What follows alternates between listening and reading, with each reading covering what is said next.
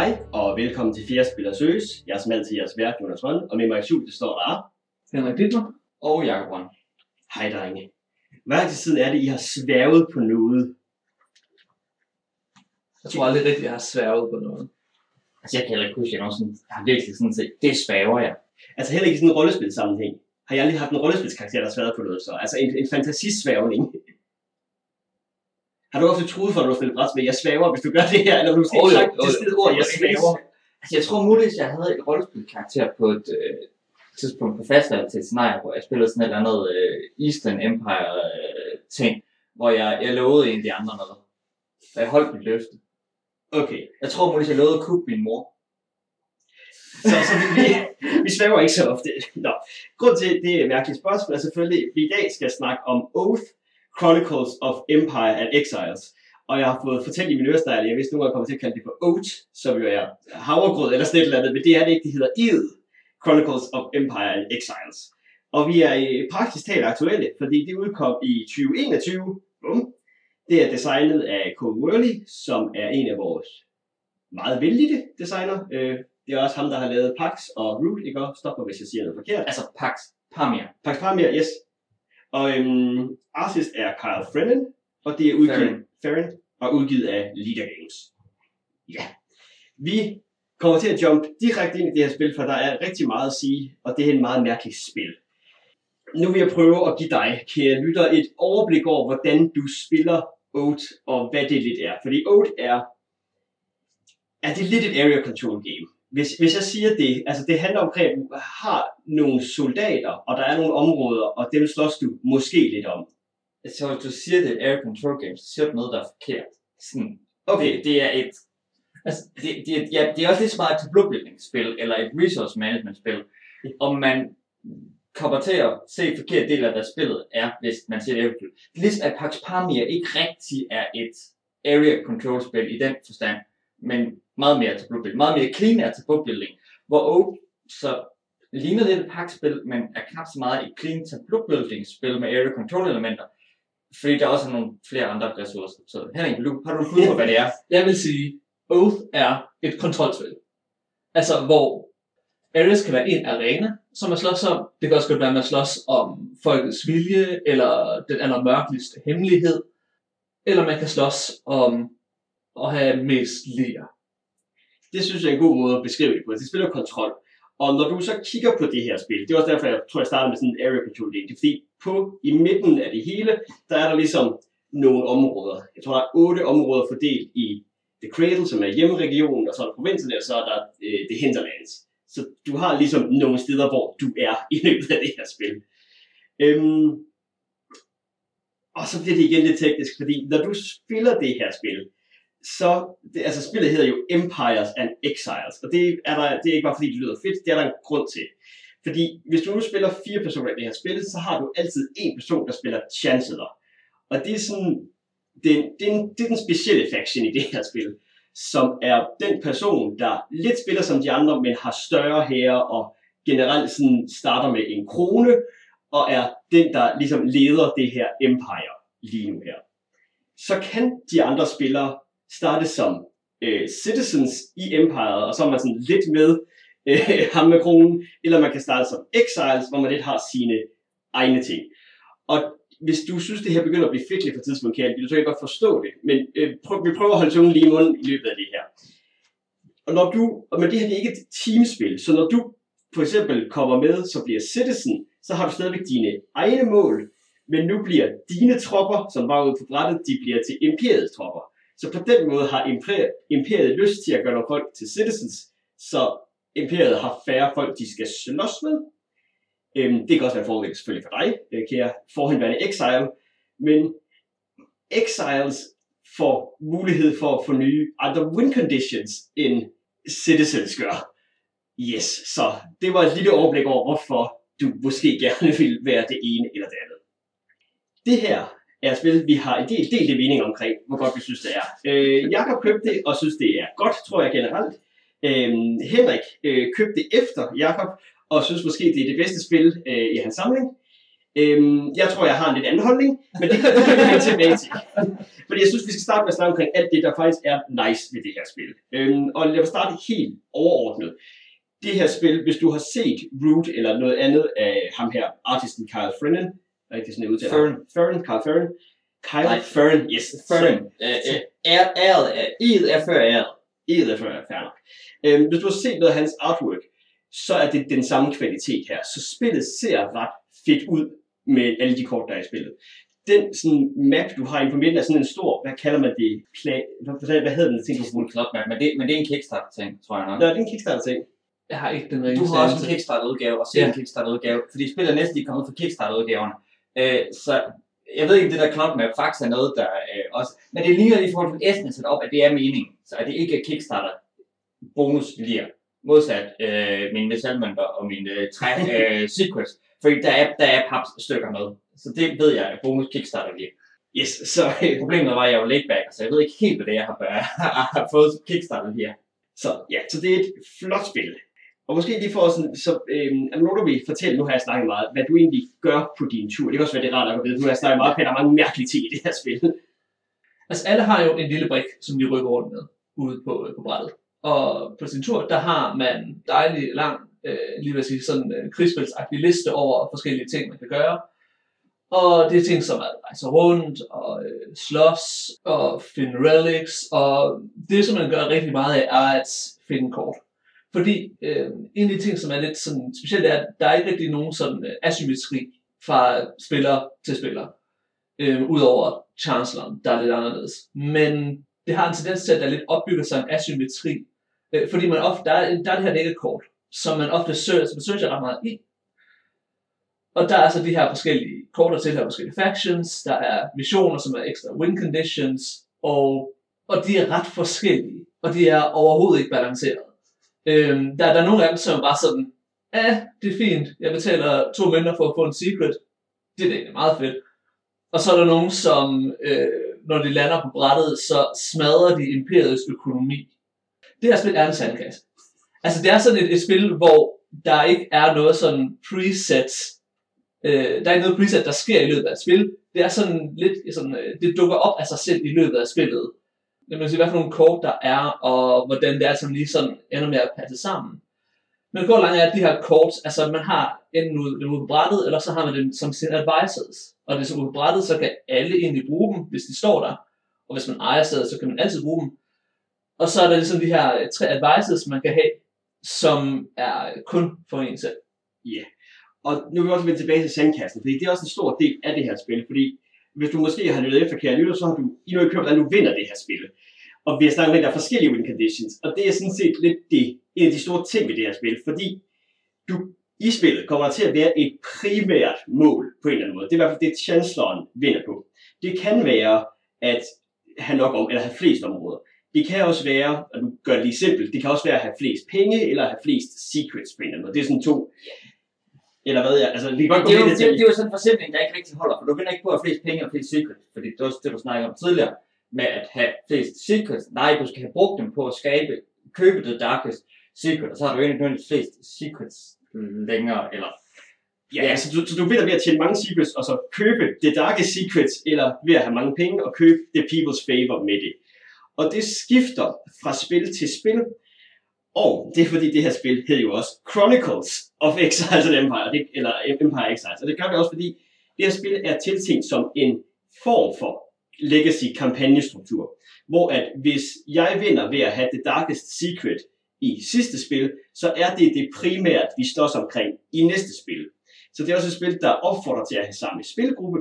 Og Henrik snakker omkring, der er rigtig mange kort i det her spil, og hvis jeg vinder med The Darkest Secrets, og de fleste af mine advisor tilhører den faction, der hedder Order, så i næste spil vil der være flere Order-kort i det her dæk. Så der er nogle ting med, at det er ikke altid de samme kort, du ser, men spillet reagerer ligesom på at blive spillet, som i hvert fald i teorien er en super fed koncept. Og der er sådan en lang og lang checklist. Også noget med, at hvis imperiet vinder, så får de også lov til at bygge store strukturer, som kan falde og rejse sig igen, og man kan sådan hive kort ind og ud, hvis man synes, at man var træt af, at nogle ting forsvandt igen. Altså sådan, så det er også en af de sådan, store selling point på det her spil. Ja, det er jo ikke fair at forklare, hvordan man vinder. Nej, Fordi, fordi du mangler en- den fjerde øh, man kan sværge, som er har flest øh, dimensioner. Der er også nogle relic ting. Nå, det havde jeg glemt. Udover Det at man har kort, der er øh, altså, almindeligt. Ja, der er jo firkantede, der er små spillekortkort. Det er det, man lægger til steder og edge devices. Så er der stederne. Det er nogle meget store kort, man lægger ud. De, er også bare, også, de har også nogle powers og ting, skal de steder gøre. Og så er der relic, som er sådan nogle små firkantede papbrikker, som er artifact ting. Relic, det kan man også, det er det specielt. Den kan man miste igen, så den har. Men de er også en ting, man kan få fat i, som også giver special powers, som også varierer, hvad, hvad for nogen, der er med i spillet. Ikke? Men den sidste condition er flest af dem. Det havde jeg glemt. Det Øh, og, og så er det med, jamen det går, at vi har en ed, som er det med, vi en kæmper om. Hver ed har en øh, successor condition, som er noget med, at hvis nogen i imperiet opfylder eden, og der så er en successor, der opfylder, og, og, hvis der så ikke er nogen successor, jamen så vinder Tansman, ellers så skal en anden citizen opfylde successor for at vinde. Derudover, så, kan man, så er der i dækket nogle kort, der hedder vision kort, som gør, at man kan spille en af dem ud, hvis man er i exile, og så prøver man nu på at opfylde en af de andre win conditions i spillet. Yes. Yes, det er ikke helt simpelt, ved. Det- Jeg tror, det er bedst sådan kort summes op, at der er fire victory conditions. En af dem er nok den altså, hovedcondition i spillet, men alle sammen er i spil. Ja, det er der så nogle gange, og så måden hvorpå, at Imperiet er ligesom den største faction, og det der, den vinder kun ved den primære victory condition, men spillet har sådan en ting med, at du ved, måske slutter det efter fire runder, måske efter fem runder, måske efter seks runder, og så den stil der, og så skal Imperiet sådan den faction, der skal ho- altså, holde fast i sin sejr, og Exiles er dem, der skal prøve at finde enten tage sejren fra, eller prøve at finde deres egen sejr med de her visioner, eller ved at blive citizens. Det er også imperiet, der vinder til sidst, hvis der ikke er nogen andre, der har vundet. Jeps. Det tror jeg var sådan en, nu håber jeg, kære lytter, selvom du kan spille det her spil, at du måske har lidt idé omkring, hvordan du gør det her spil. Eller så skal vi, skal vi måske bare gå over til Henrik. At du godt, hvad, hvad, skal vi gå over til, hvad du godt kan lide ved det Altså, her? Henrik har jo, øh, Henrik har jo skrevet en liste. Henrik har jo skrevet, at man frem. Fordi Henrik, han er så glad for Oath, at han har skrevet en liste, der hedder, øh, hvorfor er det her det bedste spil nogensinde? 10 grunde. 10 grunde. Og- mens han lige finder en liste frem, jeg siger, nogle, nogle okay ting, øh, hans liste kommer ind på. Spillets øh, sådan setting, fantasy, et eller andet, er, er, er okay.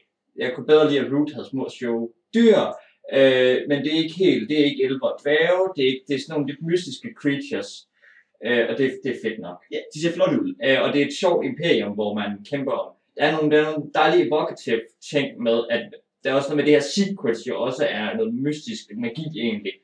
Det jo bliver der.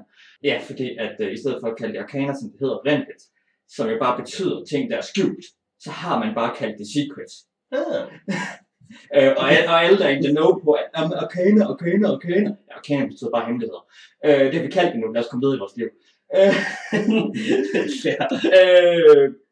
Fair. øh, hvad jeg sige? Jamen, altså, der er nogle ting, som er sådan, det er sådan et, lidt dystert, lidt mystisk, noget med et imperium også. Og det, det er fint nok.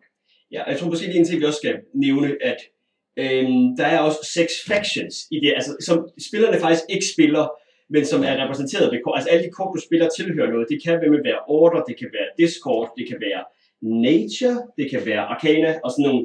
Så, No, med, sådan, så, så får du der er seks grupper i den her verden, som du handler med og trader mønter og secrets med, øhm, som ikke er spillerne. Yes, nå Henrik. 10 grunde til, hvorfor Oath er det bedste spil i verden. Eller Ja. Nogensinde står der. nogensinde. Ja. Nu har jeg jo skrevet den her øh, liste, men det kan godt være, at vi lige vil dykke ned i et par af dem, for lige sådan at fremhæve et par ting, som jeg, sådan rigtig, sådan, som jeg rigtig fester mig ved. Men helt overordnet, så årsagen til, at, at Oath ikke bare er øh, for mig et godt spil, men altså spil, der lidt sådan konkurrerer med Pericles og Virgin Queen og mange andre sådan store øh, hvad hedder det, contenders for yndlingsspil, det er, at Oath har ændret, hvordan jeg har opfattet verden. Oath har ændret, hvordan jeg har opfattet brætspil. Jeg plejede at tænke, at kingmaking per definition var et problem i et spil. Og sådan har jeg det ikke længere. Jeg er bevæget mig væk fra ideen om, at spil skal være fair. Jeg er bevæget mig væk fra ideen om, at spil ligesom skal passe ind i de her etablerede genrer, de her, og de her etablerede strukturer. Fordi det er det, som jeg egentlig synes er altså, det helt store selling point. Og det kan komme til at lyde som en galning nu. Men det er, at altså, Oath er på en eller anden måde frisat fra tidligere forventninger til, hvordan spil er designet. Der er ikke rigtig nogen spil, der sådan rigtigt minder om dem. Fordi et legacy-spil, det er ikke helt det samme som Oath. Og samtidig, ligesom, man kan ligesom se alle de her ting, som Oath ligesom tager fra. Og samtidig så er det ligesom, det er som det er lidt af et form for sådan et nyt kapitel, noget helt nyt. Og det er, altså, det er ikke bare noget, som jeg har tænkt, det her det er et godt spil, det, det, det har været en besættelse for mig. Lige siden jeg har spillet første spil Oath, så har jeg glædet mig til næste gang, jeg skulle spille Oath. Og hver gang jeg har været færdig med at spille Oath, så har jeg glædet mig til næste gang, jeg skulle spille Oath. Det er bare sådan været en konstant følelse af, at det var sådan, at det her spil bare var, spillet ved det med at give mig, hvad, hedder det, hvad jeg jo i sidste, hvad jeg ikke vidste, at jeg gerne ville have. Og det er, det, det er Oath helt stor selling point for mig. Men altså de ting, som jeg synes... det er fedt. Det er god, god energi her. Altså. Okay, men altså som sagt, øh, noget af det, som jeg synes er virkelig, virkelig fedt, det er, at det tager nogle af de her sådan klassiske, at hvad man ligesom tænker som designproblemer, og bruger det lidt som en styrke. Fordi, okay, altså Kingmaking har jeg altid tænkt var en nederen måde at afslutte spil på, og det var en nederen situation at blive sat i. Og Oath er sådan lidt, jeg synes jeg er ret interessant i det, fordi at, jo, det kan godt være, at du bliver placeret i en Kingmaking, du kommer til at, hvis du spiller 10 spil Oath, så bliver du sandsynligvis sat i en kingmaking-position på et eller andet tidspunkt. Det er jeg ret sikker på. Men det er faktisk også lidt fedt. Fordi at i et normalt spil, når du kingmaker, så er sådan, okay, du får lov til at vælge, hvem der vinder. Men du har ikke nogen chance for det selv. Okay, det er generelt ret nederen, også fordi at folk kan blive sure. Og det er sådan lidt, øh, hvem er det egentlig så, der sådan fortjener sejren her? Og der er det der, var Oath får mig til at tænke på, det er nemlig ikke kun for mig til at tænke på Kingmaking Oath, det er også for mig til at tænke på Kingmaking generelt. Og det, det kan godt være, at altså, man skal jo spille spil for at vinde. Og det, det, synes jeg også, jeg synes også, det er sådan, man skal spille Oath. Altså jeg spiller også Oath for at vinde. Men det, som jeg synes, der er, som Oath får mig til at tænke over, det er, at når man er placeret i en kæmpe position, det er der, hvor man faktisk lærer noget om sig selv. Fordi så lærer du faktisk, hvad er det, du baserer det på. Fordi at jeg har tænkt over det, når jeg er placeret i en kæmpe position, det sker ikke så ofte, fordi jeg, jeg er enormt stedig. Så selv hvis der bare er en, altså en ud af en million chance for, at jeg kan vinde på et eller andet, så prøver jeg oftest det. Men hvis jeg er i en situation, hvor jeg decideret sidder hvem, og vælger, hvem skal vinde, så plejer jeg næsten at vælge det, som jeg synes er sjovest narrativt. Men det kan også godt være, at man vælger, hvad man egentlig synes er, øh, er mest fair. Det kan også være, at man, synes, at man ligesom tænker, okay, jeg synes, du har spillet bedst, så derfor så vælger jeg dig. Ja, det kan være, at man ligesom tænker, det er random, jeg slår en terning. Det kan være, at man der, der er alle mulige sådan overvejelser, som går ind i en kingmaking beslutning, som ikke altid er fedt, men som jeg er begyndt at synes er ret fedt. Specielt fordi Oath, når man placerer en kingmaking position, så har det faktisk en effekt. Hvis du er i en position som exile, og, øh, eller citizen, eller, eller chancellor for den sags skyld, og ikke, kan, og ikke har en chance for at vinde, så det, at du vælger, hvem der vinder, har jo faktisk en effekt på, hvordan spillet kommer til at udøve sig i fremtiden. Fordi det kommer til at betyde noget for, hvad for nogle øh, kort, der kommer ind. Og det kommer til at betyde noget for, hvad for nogle kort, der kommer til at ligge på brættet. Og det kommer til at betyde, hvad for nogle kort, som man er helt sikker på, ikke bliver fjernet fra dækket. Så på den måde synes jeg, at altså, det er ret, jeg synes, det er ret fedt, at kingmaking i Oath på en eller anden måde blev gjort til en styrke. Øh, og det regnede jeg heller ikke rigtig med, at, at, at det ville ske. Jeg tror, jeg har en ting i forhold til altså kingmaking og sådan noget i det her Oath synes også, kingmaking kan meget fedt. Og hvis man, hvad, skal man, hvad skal man vurdere det på? Hvad skal man gøre? Okay, det er fedt, når man er narrativ. Jeg vil egentlig gerne have, at jeg skal trække kingmaking beslutninger, så kommer det på, hvem har jeg samarbejdet, godt med i det her spil. Er der nogen, jeg har været ven med, så vi har haft en god, som jeg har også taget et shot, vi har ikke bespredt hinanden, jeg synes godt her, han kan vinde. Han har holdt sine deals, han har spillet fair over for mig. Eller jeg synes virkelig, at Jonas han skal vinde, for Jonas han fucker mig over, så jeg vælger Henrik. Jeg synes ikke, der er nok ting at forhandle om, nok deals, der bliver lavet, nok ting, der, der går, til at jeg har den her følelse af, at jeg kan se, at jeg har en ven og en fjende, når jeg skal, hvis jeg skal trække gamingstøtten i 8. Og jeg, der skulle være flere ting, man skulle rykke rundt på. Altså, der, der skal være en, en handel hver tur-agtigt, eller sådan et eller andet, ikke? Altså sådan mm. noget mere i, at, fordi det bliver meget lidt grundlag, jeg har der. Det kan selvfølgelig godt være, at, fordi jeg heller ikke, jeg synes heller ikke, at så Jonas har angrebet mig. Han har ikke forrådt mig. Han har angrebet mig. Han var ikke nederen, han gjorde, altså, og det er sådan, jo, men der skal være, Oat er måske lidt forhandlingsspil, men det skal være et meget mere tydeligt forhandlingsspil, øh, synes jeg lidt før jeg vil gå med på, at kingmaking er fedt. Men det er sådan, jeg kan godt lide ideen med, at du siger, at jamen, kingmaking er fin, fordi at den påvirker næste spil, og derfor er det ikke bare beslutning, hvem der vinder det her spil, det er beslutning, hvordan vil jeg gerne spille næste spil. Og det er det, du synes, synes der rent innovativt er sindssygt fedt ved det. Er det rigtigt forstået? Lige præcis. Lige Yes. præcis. Du skal forresten, øh, Henrik, øh, nok se den video med øh, Cole Worley, der hedder In Defense of Kingmaking. Jeg har hørt meget om den, og Ja, jeg har jeg, jeg, jeg, heller ikke fået set den. jeg at det gider jeg ikke se, det lyder åndssvagt. Øh, Man man det er sådan en øh, CDD, eller hvad de hedder, øh, talk, der hedder of Kingmaking. Så det kan jo være, at det... Så, Han har nok tænkt mange store tanker om det, åbenbart. så, så det er ikke bare noget, at du synes, at spillet gør noget ved. Det er noget, som han har lavet en talk, en designer talk om, da han har aldrig siddet i proces med at lave det her spil også.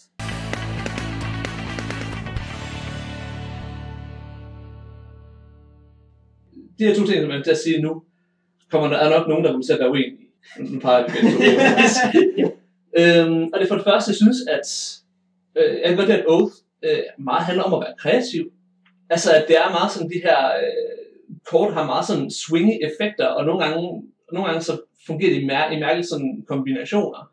Jeg synes egentlig, det er meget fedt, at man ligesom egentlig bliver, specielt hvis man er ved at tabe, når man tænker, okay, jeg har ingen chance for de victory conditions, der ligger ude lige nu at så kan man, altså, så bliver man egentlig opfordret til at sådan grave igennem dækket, sætte nogle kort sammen og prøve ligesom at lede efter det der vision, som man måske godt kan opfylde. Og så den anden ting, det er, at jeg synes faktisk, at det er lige tilpas uoverskueligt. Fordi at, altså, der er fire vision conditions, og så en gang imellem, altså en, omtrent en ud af fire spil, er der så ligesom en, øh, en, en, en femte, man skal tænke på. Så det er egentlig relativt nemt ligesom at se, okay, hvem står egentlig til at kunne opfylde de forskellige øh, sejre øh, rundt omkring. Og der er også en del sådan kort, som gør, at man egentlig kan, øh, hvis man siger, smugkigge på visioner, og øh, i det hele taget ligesom prøve sådan at regne ud, hvad, hvad, hvad er det egentlig folk går efter. Samtidig så er det også, når jeg siger lige tilpas, så er det også sådan, øh, så kan man også godt blive blindsided af nogle plays, som de andre laver i løbet af spillet. Noget hvor det siger, altså for eksempel det her i det forrige spil, det var så ikke med jer, men det var med nogle andre, der var der en, han, øh, havde, han havde sine tre advisors, øh, hvad hedder det, gemt like, de første fire runder af spillet, og vi tænkte sådan, hvad, hvad, hvad han laver? Og så pludselig så vendte han sig, Discord, Discord, Discord, og så havde han ligesom bare sådan en, en kaos-fraktion, der gik rundt og brændte bøger.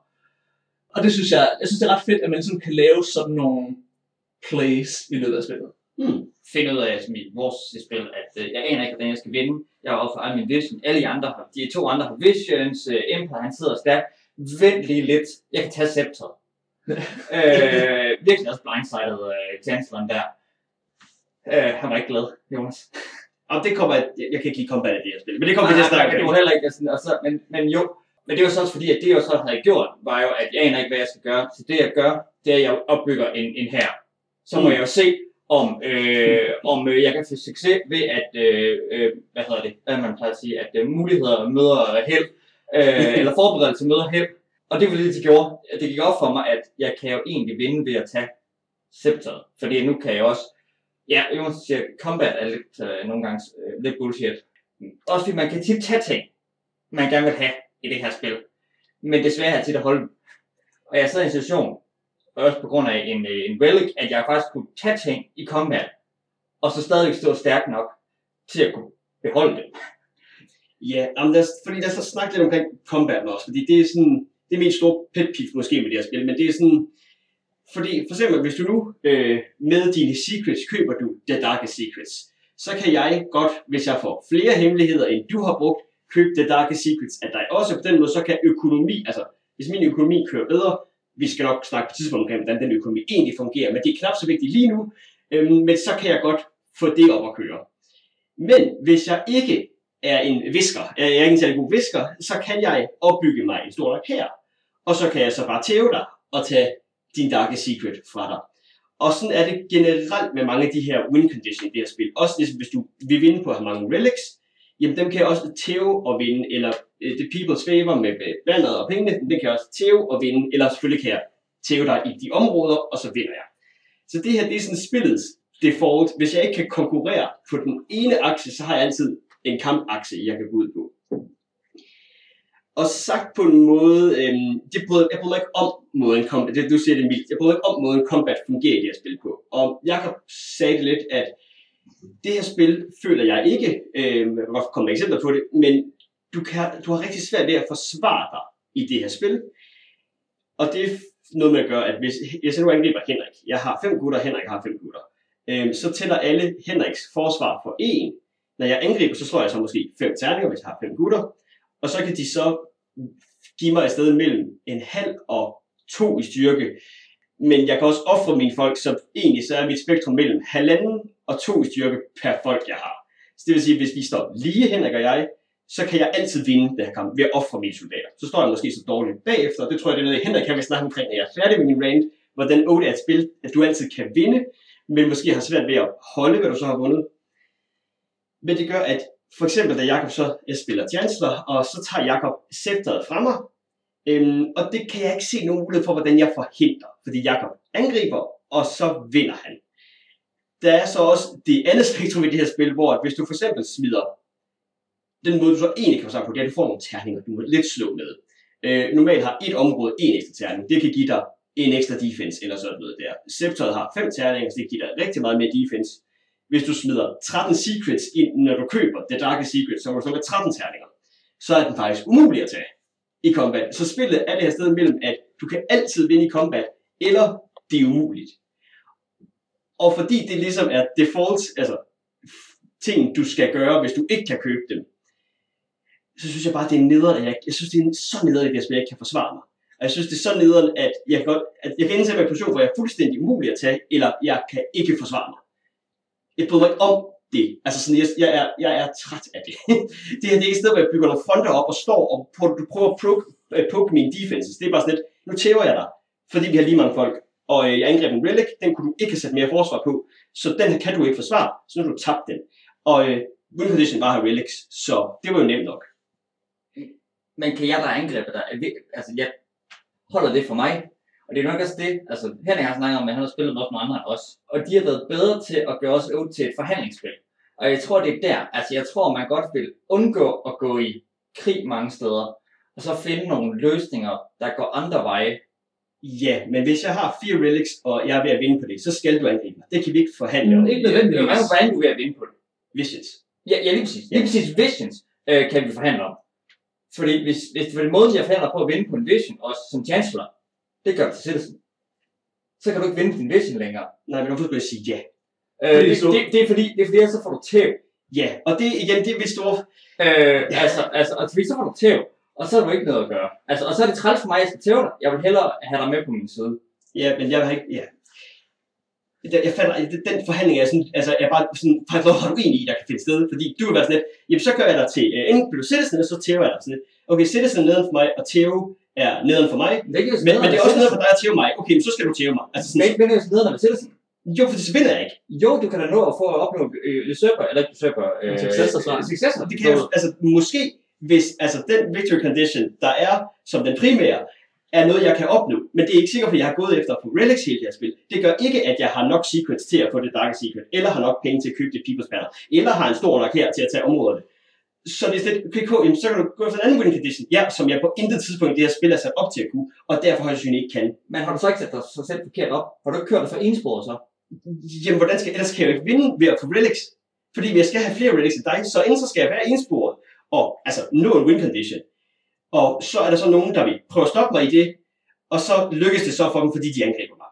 Og det her spil, øh, jeg, du sagde nemlig spot on, for eksempel, da vi spillede det, øh, jeg fik præcis følelsen af at sidde og spille Munchkin, og det er ikke nødvendigvis særlig fair at sige omkring det her spil.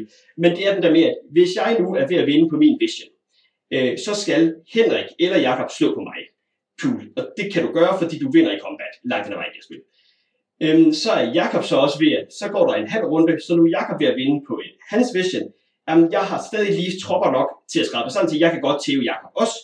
Øhm, så er det Henriks tur, så når han sin vision. Og så fordi, at Jakob og jeg og Henrik nu alle sammen har tævet på hinanden nok, så er der bare ikke flere muligheder for, at vi kan slå på hinanden, og så vinder Henrik. Ikke fordi, at sådan Henrik satte sig op til at kunne forsvare sin victory condition, men fordi, at han var den tredje i rækken, der nåede en victory condition. Men den har Henrik jo timet, hvis han, han var smart. Det er ikke sikkert, at Ikke Henrik er smart. Nej, nej, Nå, men, Øh, men, men, men, så tager man skal så bare sidde ikke at gøre noget, og vente på, at I andre laver victory conditions. Fordi så, så skal jeg sidde og vente på, at jeg bliver den tredje spiller, eller så skal jeg gå efter det. Det her spil belønner dig ikke, synes jeg ikke, for at gå efter en sejr. Fordi det jo nemt bliver straffet, hvis du bliver vinde, ligesom i Munchkin. det her minder faktisk, øh, hele, alle de her sådan, øh, overvejelser, det minder rigtig meget om at spille Pax Pamir First Edition. Fordi det, der er øh, kernen i at vinde Pax Pamir First Edition, det er, at du ikke må stå for godt. Hmm. Og det er lidt det samme i Oath. Altså, du må ikke stå for godt i Oath. Uh, og der mener jeg ikke bare sådan, at... Og jeg mener ikke den der klassiske, hvis du er nummer et, så går det efter, og hvis du er nummer tre, så har du ligesom en, en bedre chance. Nej, jeg mener i den forstand, at hvis du har en fraktion, som for eksempel, øh, som for eksempel Kejseriet, ja, The Imperium, eller The Chancellorship, og Yes, whatever, så har du ikke lyst til at placere dig i en situation, hvor det er alle mod alle. Så taber du. Så er du der en tabende position at, at sætte sig i. Og det er derfor, at, øh, og ja, jeg har tænkt meget over det her, det er derfor, at de der win conditions, den ed, man sværger, er øh, meget, meget vigtig. Fordi jeg sad sådan og tænkte, okay, hvad hedder det, øh, med en anden gruppe, så øh, vandt jeg ikke, forrige, ikke, ikke, sidste spil, men forrige spil. Og jeg vandt på en, jeg, jeg vandt som øh, usurper. Jeg kunne egentlig sværge min egen ed, men jeg valgte af uansagelige årsager, mest fordi jeg ikke tænkte så meget over det, øh, at det var The Darkest Steel, vi skulle slås om, og successor goalet er The Grand Scepter. Øh, så far så godt. Og da jeg så ligesom sidder øh, og er chancellor næste tur, så tænker jeg, at det var det absolut værste valg, jeg kunne have foretaget mig. Fordi når det er, øh, fordi når det er The Grand Scepter, der er successor goalet, så får jeg ikke lyst til at være citizens. Fordi at den har fem defense-terninger, og der er ikke nogen rigtig anden måde at tage det end conspiracy kort eller, øh, eller ved at slås. Så der, der tænker jeg sådan, okay, det er det faktisk ikke så godt. Så jeg brugte egentlig hele spillet på ligesom at hvad hedder det, lave mere og mere sweet deals øh, til, øh, til The Exiles, og hvor jeg lige pludselig sådan, ah, og jeg var ofte lige sådan, hvad hedder det, på, øh, på, på grænsen til noget, der var sådan acceptabelt, men, men det gik ikke. Indtil jeg så ligesom i, jeg tror det var fjerde runde, fik handlet The Grand Scepter, så var The Win Condition, øh, hvad hedder det, videre til en. Og så, hvad hedder det, var der så en anden Exile, der tog den og ville gøre sig selv til Citizen, men man skal lige vente en tur, før man kan gøre sig selv til Citizen. Og derfor så vandt, jeg så. Nå, skal Øh, man det? Det skal man, ja. Jamen, oh, satans, det, det gør det også, øh, det var så snød, at jeg var ved at vinde på det. Det. Men det, gør, det er meget mere oplagt til, at man ikke bare kan tage Ja. og gøre sig selv til citizen, og så, Og så vinde på det, Så vinde ja. på det, ja. Øh, så sad jeg sådan, da jeg så vandt det her spil, øh, og jeg egentlig sad og tænkte sådan, det var sgu egentlig ret heldigt, og jeg havde ikke regnet med det. Og så jeg tænkte sådan, hvis det er en successor, der vinder, så er det sgu egentlig også okay. For i det mindste så har jeg opbygget et imperie, som, som kan spille videre fra efter. Ja, der, ja, der, men da jeg så ligesom sad og så skulle vælge Oath, så gik det op for mig, okay, men jeg kan faktisk, hvad hedder det, hvis jeg vælger The Oath of Supremacy, altså områderne, og jeg bygger øh, en order edifice om til The Great Rampart, som er en kæmpe stor mur, så bliver det nærmest umuligt at true mig på, øh, på at have flest områder. Det kan nærmest ikke lade sig gøre. Øh, samtidig så handler det om, at så er det altså successfullet af flest relics, hvilket er meget nemt, fordi at man skal give en relic, når man gør folk til citizen. Så jeg tænker, okay, jeg kan faktisk sætte mig op i en god position næste spil, til at jeg kan få folk ind i folden. Og så kan vi ligesom, øh, og så skal jeg ikke håndtere så mange exiles i hvert fald, som jeg skulle i det bullshit-spil. Men er de citizen ikke også en trussel mod dig? Jo jo, men det er en anden slags trussel. og hvis en citizen vinder, så er det ikke så slemt, fordi altså, så er mit imperium der stadigvæk. Ja, det er vi så også uenige. Den har du tabt i min, min bog. Og, Ja, jeg har tabt, men imperiet er der stadig. ja, Så det, det vil bare hellere have, at, at en, en citizen vinder, end en exile vinder. Altså, jeg sidder og tænker lidt, altså også har man det med forhandlinger om hvordan, og det er meget chancellor, der skal forhandle. Og, øh, og man skal ligesom selvfølgelig imperiet går videre. Øh, øh, Har chancellor lidt sådan en spillederrolle for, at det her spil lige fungerer ordentligt, ikke? Altså, man skal også spille for at vinde, men man er ligesom også ansvarlig for, at man, er, man, man er meget central til at styre, hvordan spillet går, hvad for forhandling, der bliver lavet i det her spil. men man er politiet. Ja, Man er politiet som, som chancellor. Man skal gå rundt, og så skal man sige, hov, hov, nu skal du være en flink, flink lille borger, øh, ellers så tæver jeg dig. Ja. Man har, man, det, det er jo egentlig det fede ved, ved, at det gode ved at være chancellor, en god chancellor-position, det er jo, når man har voldsmonopolet. Og det er svært, det er nærmest umuligt. Men, øh, men når, det ligesom, når man har det, så, så er det sgu ret godt. longbows hjælp, og legesoldater hjælper. sure. Altså, det, jeg synes stadig ikke, det på mit problem, men jeg kan sætte mig op til en sejr i det her spil. Jo, jeg kan gøre, så jeg sidder mindre dårligt, men jeg er træt af at spille det her spil, fordi jeg kan ikke sætte mig op til en sejr og vinde. Og apropos det der med, Men kan du det i alle andre spil, du spiller? det ved jeg ikke, men jeg har i hvert fald siddet meget i det her spil, og følt, at jeg ikke kunne gøre det. Jamen, det er Og jeg har kedet mig absurd meget. Jamen, jeg, kan godt, jeg kan godt se, at du, at det er fair, at du har en følelse af, at du ikke kan. Men det er bare ikke en kritik. Du, altså, du kommer ikke og siger i andre spil, at du er sur over, at du tabte, okay. fordi nogle af de andre spillede bedre end Nej, dig. lad mig sige det på den måde så.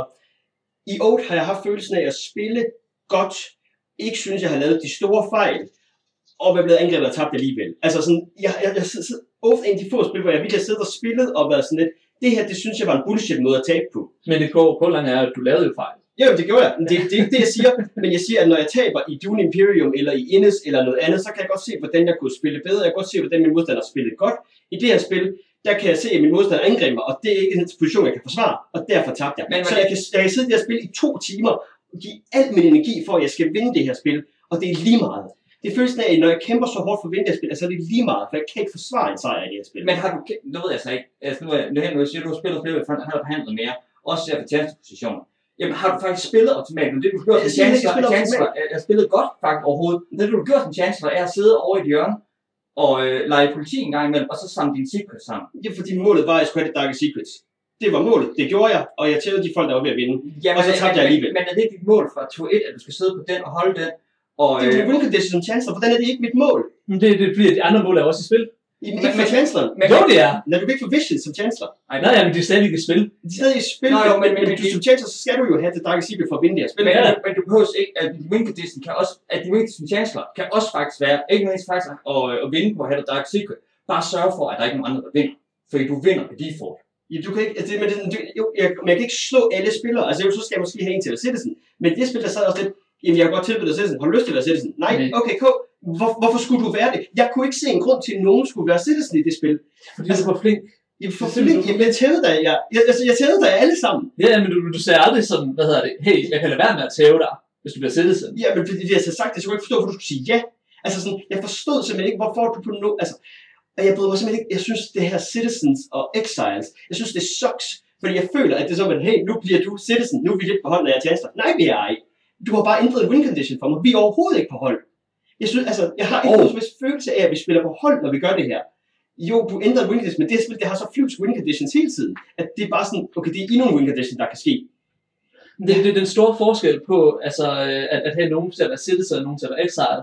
Det var, at hvis nogen er citizen, så vinder de ikke, hvis ikke den main condition er opfyldt. De vinder jo ikke, hvis de har The Grand Scepter og Imperiet går under. Så du har, når du går nogen til side, så har du altid en agent, der vil arbejde for, ja, forhåbentlig så vil det arbejde for, at Imperiet består. Jamen, imperiet består af lige med, at jeg vil gerne vinde spil. Ja, jamen, det er også, at du vinder spillet. Nej, fordi hvis, altså, fordi hvis jeg kan rigtig Citizen, og vi kæmper det Dark Secrets, så kæmper du stadigvæk mod mig på at få det Dark Secrets. Nej. Nej, Er det ikke sådan, det fungerer? Nej, nej. Hvad gør du så? Og så skal du så scepteret, eller hvad? det Ja. er scepter. Okay, så, så, så, okay, jeg, jeg, så angribe, ja, så laver jeg bare en anden wing, så, så angriber du med scepter i stedet for. Altså sådan, okay, K, så, så er det en anden wing, vi slås omkring, som jeg er dårligere forsvaret i min Dark Secret. Altså jeg forstår ikke, hvorfor det her det er fedt. Jeg forstår ikke, hvorfor vi, altså, jeg føler ikke, vi spiller sammen. Jeg føler bare, at vi har changed i win conditions, og det er det, der sker i det her spil. Og så er det så, Men hvem, har- hvem men- ender men- vinder med at have den sidste win condition, når vi andre har Men spillet med har du hinanden. faktisk gjort nogen Citizen og spillet sammen med dem? Jeg har spillet som Citizen med, med Chancellor på et tidspunkt. Jeg blev ved med at spørge, om nogen ville være Citizen. Folk sagde nej. Så var det, okay, Nå, jo, så kan jeg ikke det til Citizen. spillede du med en sammen med, som var øh, Chancellor? Hvad siger du? Hvad for et spil var det? Var det andet spil så? Første spil, tror jeg. Det første spil, der blev du Citizen, fordi du selv... Øh, Nej, det var andet spil så. Første spil spillede du ind som Citizen, fordi du tog... Øh, Ja, der ville du ikke gøre mig til jeg vil Citizen. ikke gøre Citizen, fordi at det, det, Så kunne jeg vinde. øh, Det er det, kunne du vinde. skulle du gøre mig til Citizen? Så kunne jeg vinde det. Ja, ja, ja, det er Jeg det, ikke, det, hvorfor det, er fordi, du kunne vinde som Citizen. Det var fordi, at det du havde opfyldt var... Øh, Ja, ja. success goal, ja. success goal. Eller det kunne du så heller ikke alligevel. Du blev så Citizen, fordi så var vi alle sammen Citizens, og så var det, så var det fedt nok. Ja, det, altså igen, øh, lad, lad, lad os tage det altså bare nok, sådan, jeg bliver, vi bliver ikke enige omkring det her på den måde der. Jeg synes, det er nederen. Henrik synes, det er super fedt. Jeg tror, Jacob er på den gode side af det måske. Men jeg tror, det handler rigtig meget om, at man skal, at det er et spil, hvor det også handler om at snakke sammen og forhandle. Og det er ikke et spil, der ligger i sit design i sig selv, ligger nok op til, at det er det, man gør. Og det er der, spillet skal shine, så det er et spil, der lidt skal altså, spilles på den rigtige måde, for at være fedt. Ikke på, når vi, det er ikke ligesom Crusader Kings øh, spil, øh, der skal spilles på den rigtige måde, det er, som er, at alle spiller dårligt og bare har det sjovt. Altså man kan godt gøre ting, der, der får dig til at vinde i det spil, men man skal være med på, at de her forhandlingsting, altså, og de skal være fede, og de skal være i spil, for at det bliver et rigtig fedt spil. Og der er det er tilbage til, jeg synes nok ikke, der er nok at, at, at lave handler omkring, og forhandle omkring, og negotiate omkring fra tur til tur til tur, til at, at det er oplagt, at det er det, der skal ske i spillet. Også fordi, at selv forhandlinger i spillet må kun finde sted, hvis der er kort ude på brættet, der lader dig gøre man, det. man kan jo selvfølgelig forhandle om, og hvad, hvad man gør, og snakke sammen om, Jo. hvad man lægger planer og Men, sådan men, noget. men det er sådan, som du siger med, at hvordan det mus... Det er jo det her, Altså, at det, de det, det, det, det, er jo det her, han, han kaldte diplomacy-forhandlingerne. Ja, Øh, ja. Eller som, øh, man, som øh, Vincent Baker han kalder det, øh, negotiating with a stick. Ja.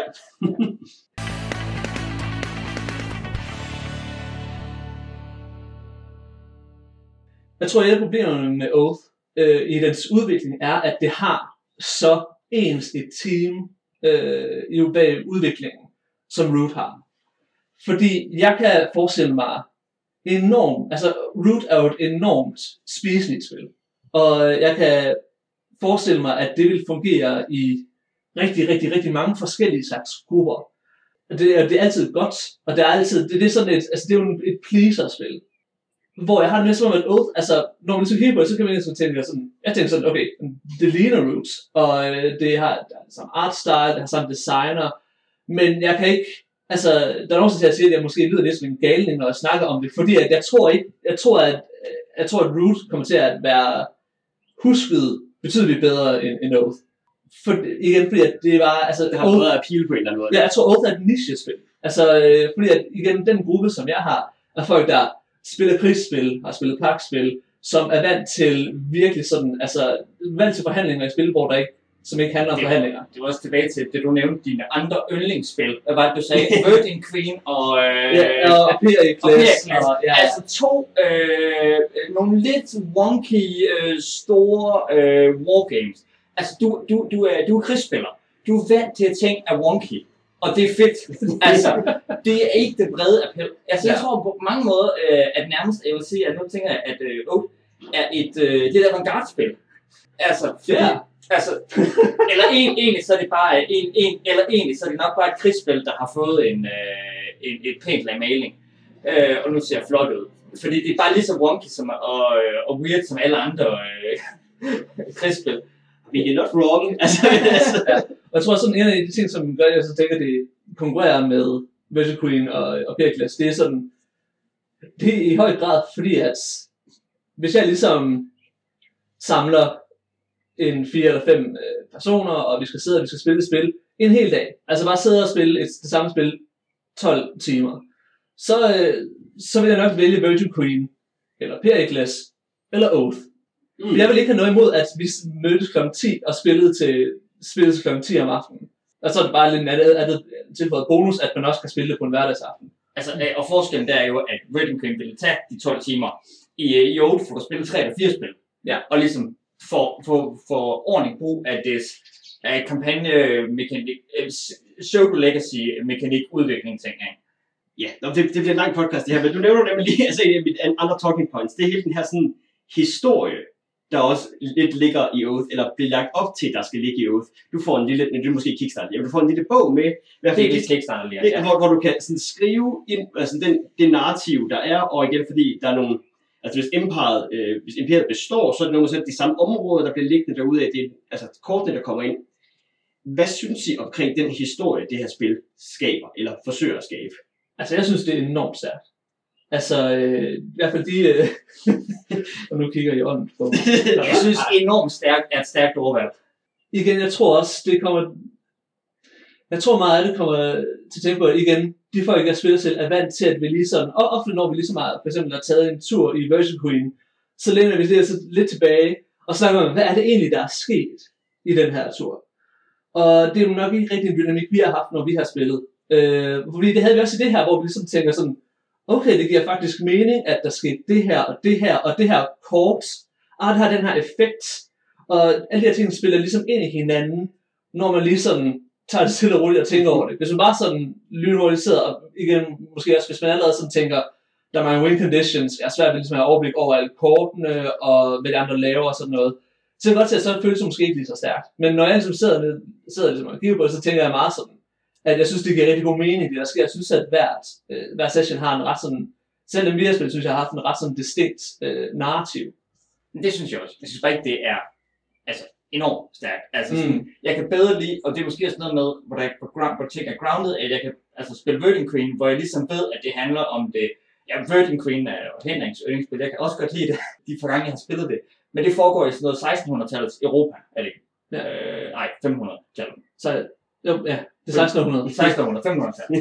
øh, Altså så det er en af mine yndlingshistoriske perioder også, og jeg er med på, hvad der sker, ikke? Og at der har jeg ligesom et forhold til, at Jamen, det her det er det, det, det spanske imperium mod øh, Habsburgerne, øh, tyske romer mod ottomanerne mod, altså, det er så fedt, når ottomanerne står i Rom, ikke? Altså sådan, og den slags ting får jeg ikke i Ode, fordi Ode er en fantasy setting, der også er lidt altså, bland. Der er ikke karakterer, der har navne, der går igen. Der er altså sådan, selvom det ting. Og jeg ved ikke, jeg synes, det mangler lidt der, og det kan være, at jeg bare ikke får det i et spil, der ikke er et historisk øh, spil, jeg kan hænge noget op på. Jeg tror måske også, der kommer til at være en betydelig stor forskel på, om man har spillet øh, tre spil af en Chronicle, og 10 spil af en Chronicle. Ja. Fordi at når man ligesom kommer så langt, så kommer der til at være sådan, altså nogle, der kommer til at være the usual suspects med nogle kort, man ligesom kender, fordi at så mange bliver der ikke, hvad hedder det, skiftet ud fra, øh, fra spil til spil. Og jeg ved, jeg er også overbevist om, at, næste, at, de næste 3-4 spil kommer nok til at, der kommer der til at være meget så spekulation om, øh, eksisterer Bandit Chief stadigvæk i, i, i, min, i min udgave Oath, fordi at det kort er whack.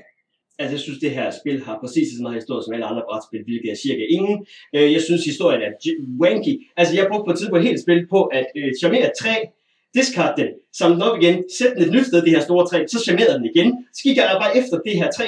Altså sådan, hvad fuck laver jeg i det her? Sådan, og det var mit Det er strategi. The Great Wild Forest. Nej, jeg tænker, at det kunne være okay. Det var et træ. Nu, nu, nu, skal du lige, give- nu skal du lige stryge den øh, med horn, og så sige, at du er taming the Great Forest.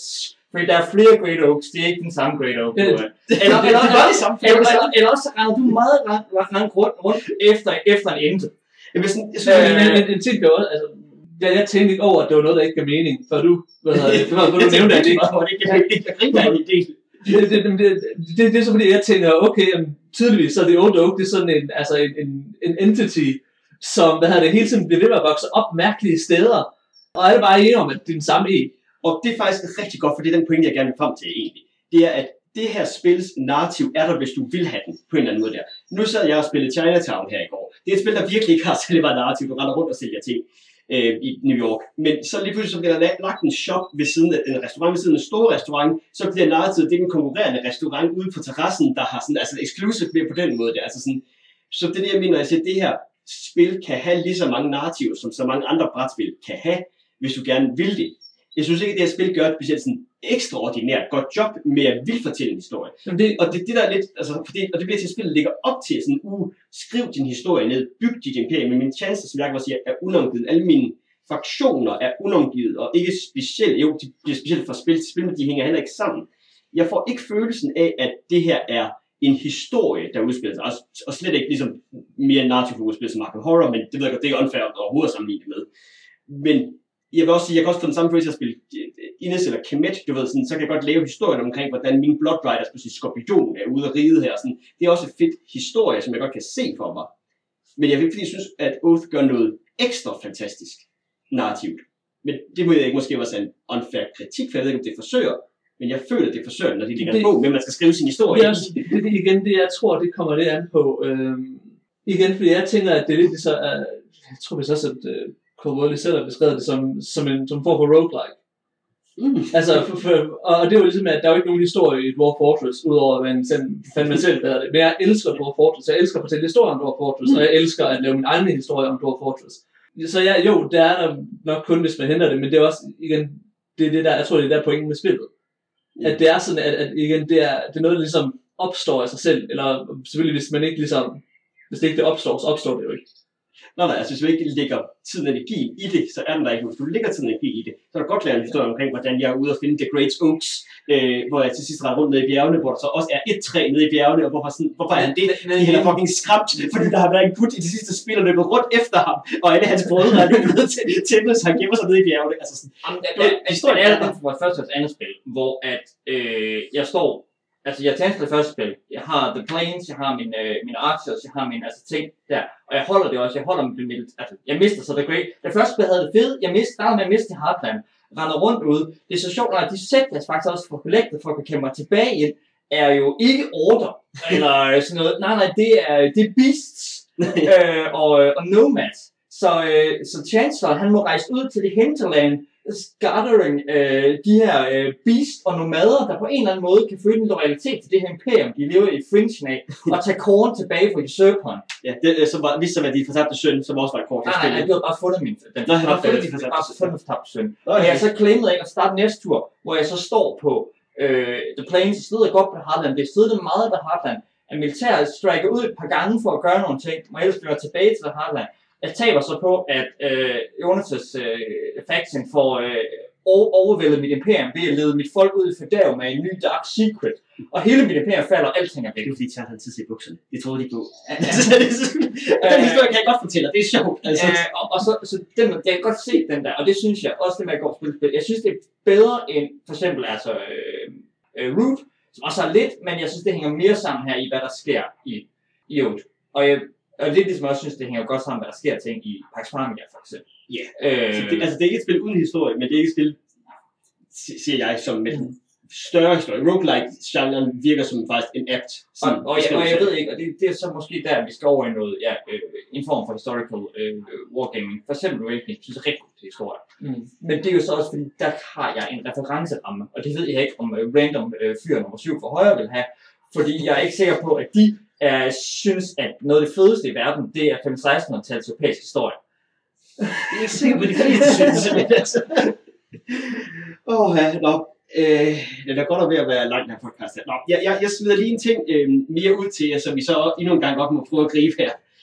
Det er jo det her med, at det her spil jo også, når ting vinder, når jeg kan vinde for eksempel beast og nomaderne, så kommer der flere beast og nomader ind i det her dæk, og det gør, at dækket er lidt det samme og lidt forskelligt på en eller anden måde. Det er den måde, øh, det har spil gjort det i Pax øh, Pamir. Der havde du, øh, nu siger jeg bare nogle tal, for eksempel designet 100 kors, 100 kort, og brugte kun 60 af dem hver tur. Jeg har det lidt sådan, det synes jeg er en lige så god løsning på det hele. Altså den der idé med sådan, okay, men så er der lidt flere nomader, fordi de vandt sidste gang, men du tager også random kort ud, så det ved du heller ikke lige, hvad der er. Og så er det sådan lidt, jeg kan godt se, det, det er den med, den prøver ligesom, og der skal være noget mere kontinuitet fra spil til spil, Mm, men det er ikke fordi, de gør det store for mig. Altså, du kunne bare have blandet 100 kort, og så taget 60 af dem. Jeg tror lidt der, at for det virkelig skal se, men det er også noget, man kunne kende kortene, og man skal vide, jeg synes måske ikke, at kortene har nødvendigvis, der er nok kort, der har whack nok, vilde nok effekter, til at det, at jeg skal kende det spil, hvor den her kort er med, frem for det andet spil, hvor det her kort er med, øh, betyder så meget. Det kan være, hvis der var, nu siger jeg bare en tal, at det kan være, hvis der var 10 kort i alt i det her spil, og du så virkelig vidste, okay, de er alle sammen kæmpe store players, der sker vilde ting, du ved, alle de ting sker, og når du så tager dem ud af en, så er det måske mere, okay, sådan, Der synes jeg, det faktisk nærmest have mere at gøre, hvad for nogle relics, der er i spillet, øh, end hvad for nogle, hvad hedder det, denizens øh, slash øh, advisors, der kan være med. Eller hvad for nogle steder, der er på brættet, der kan være med. Og det kan skifte også spil til spil. Eller afhængig af, hvor- hvordan imperiet står eller falder og sådan noget. Og det er en forskellig variation i, om er det uudforsket eller udforsket og ejet af imperiet. Og sådan. Det er meget forskellige dynamikker, øh, de spiller rundt. Det synes jeg, Altså, så snakker vi noget helt andet faktisk. Jeg tror ikke, jeg svarer de spørgsmål. Nej, men jeg- jeg jeg tror- øh, fordi det er jo noget andet der. Det er der med, altså, med maps tingene, at de har... Øh, der er altså stor forskel på et spil, hvor du starter på et map, der ikke er udforsket, og du starter på et map, hvor øh, imperiet øh, ejer det hele. ja, jeg tror, at mit, mit point er mere bare, at så meget forskelligt føler jeg heller ikke, det er fra et random maps setup. Altså sådan, du kunne, du kunne lige så godt have lavet et spil, hvor du havde et random map setup, hvis det er det. Det ville de ville, de prøvede noget nyt. Det er fint nok, men ikke fordi jeg synes, det er sådan så vildt. Men det understøtter det der med, det understøtter så historiefortællingen, ikke? At, at, at øh, imperiet driver mod, øh, muligvis mod Discord, og faktisk også, altså hvis, hvis Discord-sættet vinder, så er der jo flere Discord-kort, øh, og så har man jo lyst til at spille Discord, fordi det er fedt at have kort, der på sin, i sine advisors, der matcher de kort, der ligger ud på Denizens. Hvis der er mange Discord i dækket, så har alle lyst, det, det vil sige, at chancen for, at den vindende vinder med Discord er større, og så trækker de ud på Discord. Og så ender du, så ender, jeg tror, du ender ude i noget andet spil, end du ender ude i, at du har, at du blander alle Discord-kortene ind i dækket, øh, end da du øh, ikke havde, altså, Ja. ja. det sammen. Ja, altså det, det er også noget, jeg har tænkt over, fordi at på den ene side, jo, så øh, hvis der er mange Discord-kort, Discord, kort. jeg havde sit Discord-kort, så øh, jeg siger jo på nu, at Discord Denizens. hvis der er mange Discord Denizens, så er der jo, jo, altså så er der nok flere, der kører Discord. Men jo flere, der kører Discord, jo værre er det at køre Discord. Fordi det har vi jo ikke overhovedet snakket om, men det her økonomi, det er jo en closed economy. Så hvis, hvad hedder det, hvis bare der er, altså hvis, hvis der starter med at være tre øh, ude på favorbanen ude i, øh, i Discord. Så hvis du har en Discord advisor, og, øh, hvad hedder det, og, og trader med dem, så får du to. Så det vil sige, at hvis bare der er to eller tre, der kører øh, meget Discord, jamen så kommer den bank i høj grad til at være tom. Hvorimod at Bortset fra, at du jo også så skal trade med dine secrets ud til dem, og at købe sygdomme og give dem penge, hvor det også er fedt at have en Discord advisor. Du er også incentivized til at give dem penge selv. Ja, ja. Øh, så det kan godt være, at øh, så det er ikke helt på den måde. Det er ikke Ja. helt så simpelt, at de løber tør, fordi du også, Betaler. Ja. Ja. du også betaler dem, og også Yes. en tilfang til at gøre det. Men der var en, en, øh, hvis du så forskel på, at hvis, øh, igen, hvis så man er den ene, eneste, der kører Beast, og der er en Beast Dennison på kortet, jamen, så kan det nok egentlig godt betale sig. Fordi at så konkurrerer du ligesom ikke med andre om den pool af, af, af penge. Så bliver du bruge penge, give ja. penge til dig selv, for der er ikke nogen, der tager dem fra dig. Ja, og så altså, det øh, spil, vi har, det spil, vi har haft der i, den anden, altså, i, i mit eget spil, der øh, de begge to, der virkede, øh, der vandt første spil, det var, det var Discord. Og det synes jeg allerede egentlig godt, man kan mærke, fordi at der, der er egentlig sådan, øh, jeg synes egentlig, de er ret distinkte, de forskellige factions. Og det der med Discord, det er, at man aldrig rigtig føler sig sikker. Der er en masse kort, der gør, at de ligesom stjæler fra en, eller øh, ødelægger ting på en sådan øh, unormal måde der er mange ting, som ligesom gør, at øh, det ligesom kan switche en board setup ret, øh, ret drastisk.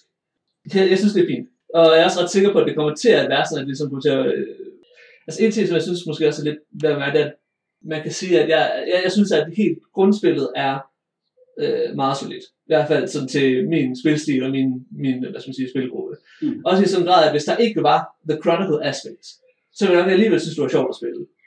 Men det er som, at man kan sige, altså chronicle aspektet, altså det, det er som lidt glasur. Mm. Øh, og glasur er meget lækkert, men det forbedrer sig ikke en, en, en kage, der er hård af sten. øh, men hvis det ligesom er på en kage, som jeg i forvejen godt kan lide, så er det jo bare, altså, øh, så er det bare ekstra godt. En ting, der undrer mig det der med, at, hvordan, at spillet... Okay.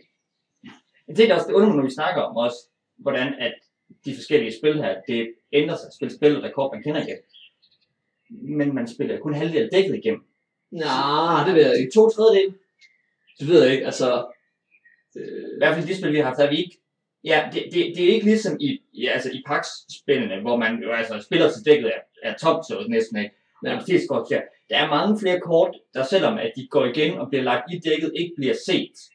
Så der er ikke helt den samme gengang. Jeg ved ikke, om der er noget, der er nok noget balance, der er, hvor dybt man kan gå i det. Men jeg synes, der ligger en god stak kort tilbage, som ikke kommer i spil. Og det er også noget at gøre med, når du egentlig trækker kort, så ser du også tre og vælger en af dem. Så det er Om heller så ikke... Ja, så- så- ja, ja, men, men der er stadigvæk også, at dækket, altså som der, de kommer fra, har stadigvæk cirka en tredjedel af de kort, man lægger i det, øh, når man altså er færdig med spillet. Så man har ikke engang set dem. Der er ikke engang nogen, der har set dem og lagt dem ud i en discard Nå ja, der er tre forskellige i det her spil, og Yes. kort roterer fra discard til discard og sådan noget. Det, ja, og, og hvorvidt du hvad hedder det, trækker fra dækket eller fra diskapal, er ikke bare sådan, hvad har jeg råd til, fordi det koster typisk mere at trække fra The World Deck, men det er også en strategisk beslutning. Spil for Chancellor, så ligesom vælger, okay, har jeg lyst til at grave flere kort frem, øh, fordi det kan jo være kort, der potentielt kan fuck mig. ja, og, og, og, og, og, du graver ned til at kan, kan finde visions, som er det, der kan fuck dig af din... Øh, ja. Lige præcis. ja, men altså, ved du hvad, jeg havde egentlig, altså sådan, jeg har egentlig skrevet en lille smule mere omkring hele det der advisors, og sådan, hvordan de her factions fungerer, men det tror jeg, vi kommer sådan rimelig om. Men, men. Hen- Henrik, kan du gå igennem, hvad de seks faction gør? Nu siger du, Ja. synes, de føles distinkt. Fordi jeg har Yes. ikke blevet spillet lidt mere, så, det, så, så hvad gør de? Altså, Nu tester vi det også. Discord. For Jonas synes, ens. Jamen altså nu igen, nu, det er også derfor, jeg ikke rigtig, hvis, jeg, jeg havde skrevet noget, jeg synes lidt, det er ens, men jeg har også nu spillet tre spil af dem, og jeg har lidt, jeg synes, de alle sammen enten gav nogle terninger til angreb med, eller nogle penge, eller nogle secrets, og det er sådan, jo, så var der måske en lille sprinkle flavor, men det er jo sådan, jeg følte, de var meget de samme, men ja, så sagde Henrik, det er de ikke, så troede jeg på ham. altså, så, Altså for eksempel, Dis- Discord har jeg nævnt, det er øh, sådan store sådan swinge ting. Altså der er for eksempel, hvad hedder det, i startdækket er der uh, Key to the City, så gør at du får en by. du bare tager et område. Du tager et område. Du, du, du, Ja. ja. forsvaret det er på den Lige måde. præcis. Du, øh, hvad hedder det, der er for eksempel Bandit Chief, som nakker et warband fra alle områder, og pludselig så er banditter tre gange så stærke. Der, og, og der er ting, hvor man stjæler, og der er en, hvor man brænder modstanderens secrets. Det er sådan generelt ret øh, ubehageligt. Der er Arcane, som er som har virkelig mange bizarre måder at omgå økonomien på. Øh, og det er meget sådan ligesom med at grave, altså ikke at grave efter kort, men også ligesom at få mærkelige måder for secrets på. Og specielt Alchemist, som er øh, muligvis sådan øh, det mest gamebreaking kort, jeg har set indtil videre, fordi at det gør, at man kan tage øh, fire coins fra any favor banks, så man kan ligesom manipulere økonomien ret voldsomt med alkemister. er ikke også Alchemist, der sådan, har nogle ekstra ting med The Darkest Secret, at den ligger de så lidt opad. Øh, jo, ja, Ja, det er så sådan, Der er, der er øh, Order, som er meget sådan uh, straight, øh, vil lige sige, det er Wargame-fraktionen. det er angreb og forsvar, det er campaigns, og det er, øh, hvad hedder det, hvis man har et Order-tungt spil, så er der bare rigtig mange battle plans i spil, som gør, at man ligesom kan manipulere øh, krig. Øh, så er der Hearth. Hearth er sådan egentlig meget sådan stabil økonomi. Øh, så det er meget sådan med, at man ligesom kan få ekstra supply, eller øh, at man ligesom kan, i i det hele taget bare, at øh, man ligesom kan få en ret sådan stabil økonomi op at køre, og den er meget sådan Hearth intern. Så det er meget sådan, at hvad skal man sige, Hearth handler meget om at handle med Hearth. Mm. Så det er sådan ligesom, øh, det er øh, hjemmefraktionen. Så er der øh, Beast, og det er, lader til det er, at Beast, de er ret mærkelige. Det er faktisk det, der egentlig definerer dem. De er virkelig, virkelig mærkelige. Det er sådan øh, med Beast, det er sådan noget med Ege, der har hemmelighed ude i skoven, og øh, The Roving Terror, der bevæger sig rundt og spiser denizens, og øh, The Forest Council, der gør, at man ikke kan trade med andre beast steder. Yeah. Så det, det er nogle virkelig mærkelige effekter. Og Nomads, som det sidste, er så, jeg vil lige vil sige sådan, øh, meget sådan temporary benefit orienteret. Fordi det er meget sådan med, at øh, for det første har de en del battle plans, der manipulerer kamp, men det er næsten altid battle plans, der er, som, hvor man så skal discarde kortet bagefter. Øh, så det har en meget det her med, at vi ligesom, de ofte som bliver discardet på brættet, og så dukker op et andet sted. Ja. Ah. Cool. Jamen det, øh, det tror jeg på. Igen, jeg har ikke spillet nok, men, men altså det, øh, det vil godt give mening, hvis det var sådan, men så kan man måske så sige, at det er ikke, øh, den er der, den her øh, forskellighed mellem versionerne, men du skal måske spille lidt for, at den tager helt tydeligt frem. Altså sådan, at det, Ja. det, det, er måske ikke unfair at sige på den måde. Ja, jeg tror også, man skal spille mere end to spil, før man rigtig mærker, at et dæk sådan bliver vægtet i en retning. Jamen, er vi, ikke, er vi ikke ved at have snakket? Jeg ved ikke. Altså, jeg havde Jo. ikke også en rant omkring nogle advisors, og hvordan jeg synes, det er også lidt mærkeligt. Men øh, skal vi ikke lukke den efterhånden her? Hvis du, kære lyttere, er nået hele vejen her igennem og måde. Skal vi ikke have en eller anden form for opsummering? Jeg skal være Hvad- noget hvad- opsummering. Eller er der noget opsummering? Altså, Jo, altså, altså Henrik synes, det er det bedste spil nogensinde. Øh, fordi det er sejt og avantgarde og, øh, og innovativ. Ja, og det, det, er bare, det er bare et godt krigsspil, der har fået pæn maling. øh, Nu skal jeg så sælge den lidt, lidt, lidt kort. Men det, Jamen, det er et rigtig godt krigsspil. Og du skal kunne lide krigsspil. Det er et spil, som meget også... Altså, Jonas kan ikke lide spillet. Øh, jeg synes lidt sådan, det, det, det er fint nok. Det kan jeg godt, jeg vil godt spille noget mere af. Jeg vil godt spille med Henriks gruppe, som åbenbart har det federe end, øh, end Jonas' gruppe. øh, det, er, det er et spil, som gerne skal handle om forhandle, men som ikke nødvendigvis gør det, hvis man ikke gør noget for, at det gør det. Det er et spil, som gerne vil fortælle historier, men som ikke nødvendigvis gør det, hvis man ikke gør for noget for, at det gør det. Øh, det er et spil, som kan være det fedeste spil nogensinde, hvis du er den rigtige type, eller kan være weird og frustrerende og træls, hvis du er Jonas. Ja. Altså, jeg tror, det er det her nok det podcast, hvor vi har været mest sådan polariseret. det, altså, det er virkelig. Plejer, plejer det ikke også at være jer to, der er enige og uenige med mig? Jo, det er fordi Henrik og jeg kan godt lide taktik, det er du normalt ikke så glad for. Så når vi har ta- spil, der er tunge på taktik, men lidt på strategien, så er du uenig med os. Og det er ofte den diskussion, vi har. Men det er fordi, jeg synes, det her spil det er for fedteligt. Og det har du det okay med, og Henrik han elsker det. Jeg tror også, det er der, måske lidt ligger. Jeg ved ikke, der, der er sådan, nu er så, øh, nu skal vi afslutte podcast, der er afslutte Jonas, Jonas forstår jo ikke, hvordan at det her spil, det slutter. Øh, altså endgame. Altså, Jonas forstår ikke.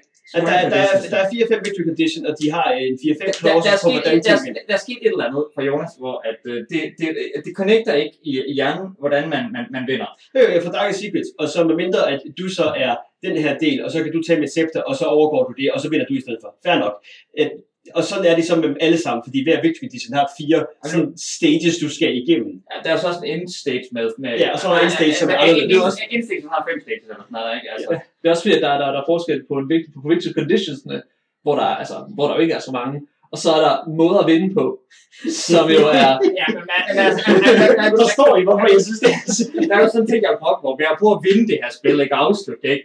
Den der fucking terning, man slår for at, øh, at finde ud af, om, om, om chancelleren har vundet nu, det er 1 til 6 side, man slår, og det er sådan, man skal slå over hvad?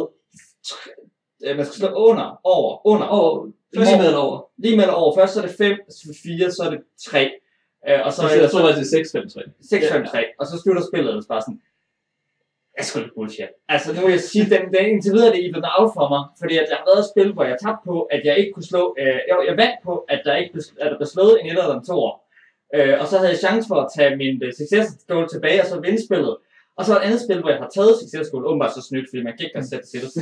øh, så jo, det spil, det skulle du have vundet, fordi så kunne du have stoppet Peter, og så havde du bare vundet. Ja, jeg kunne ikke stoppe Peter, fordi jeg havde slået nok på folk. Altså, jeg Ja. havde ikke...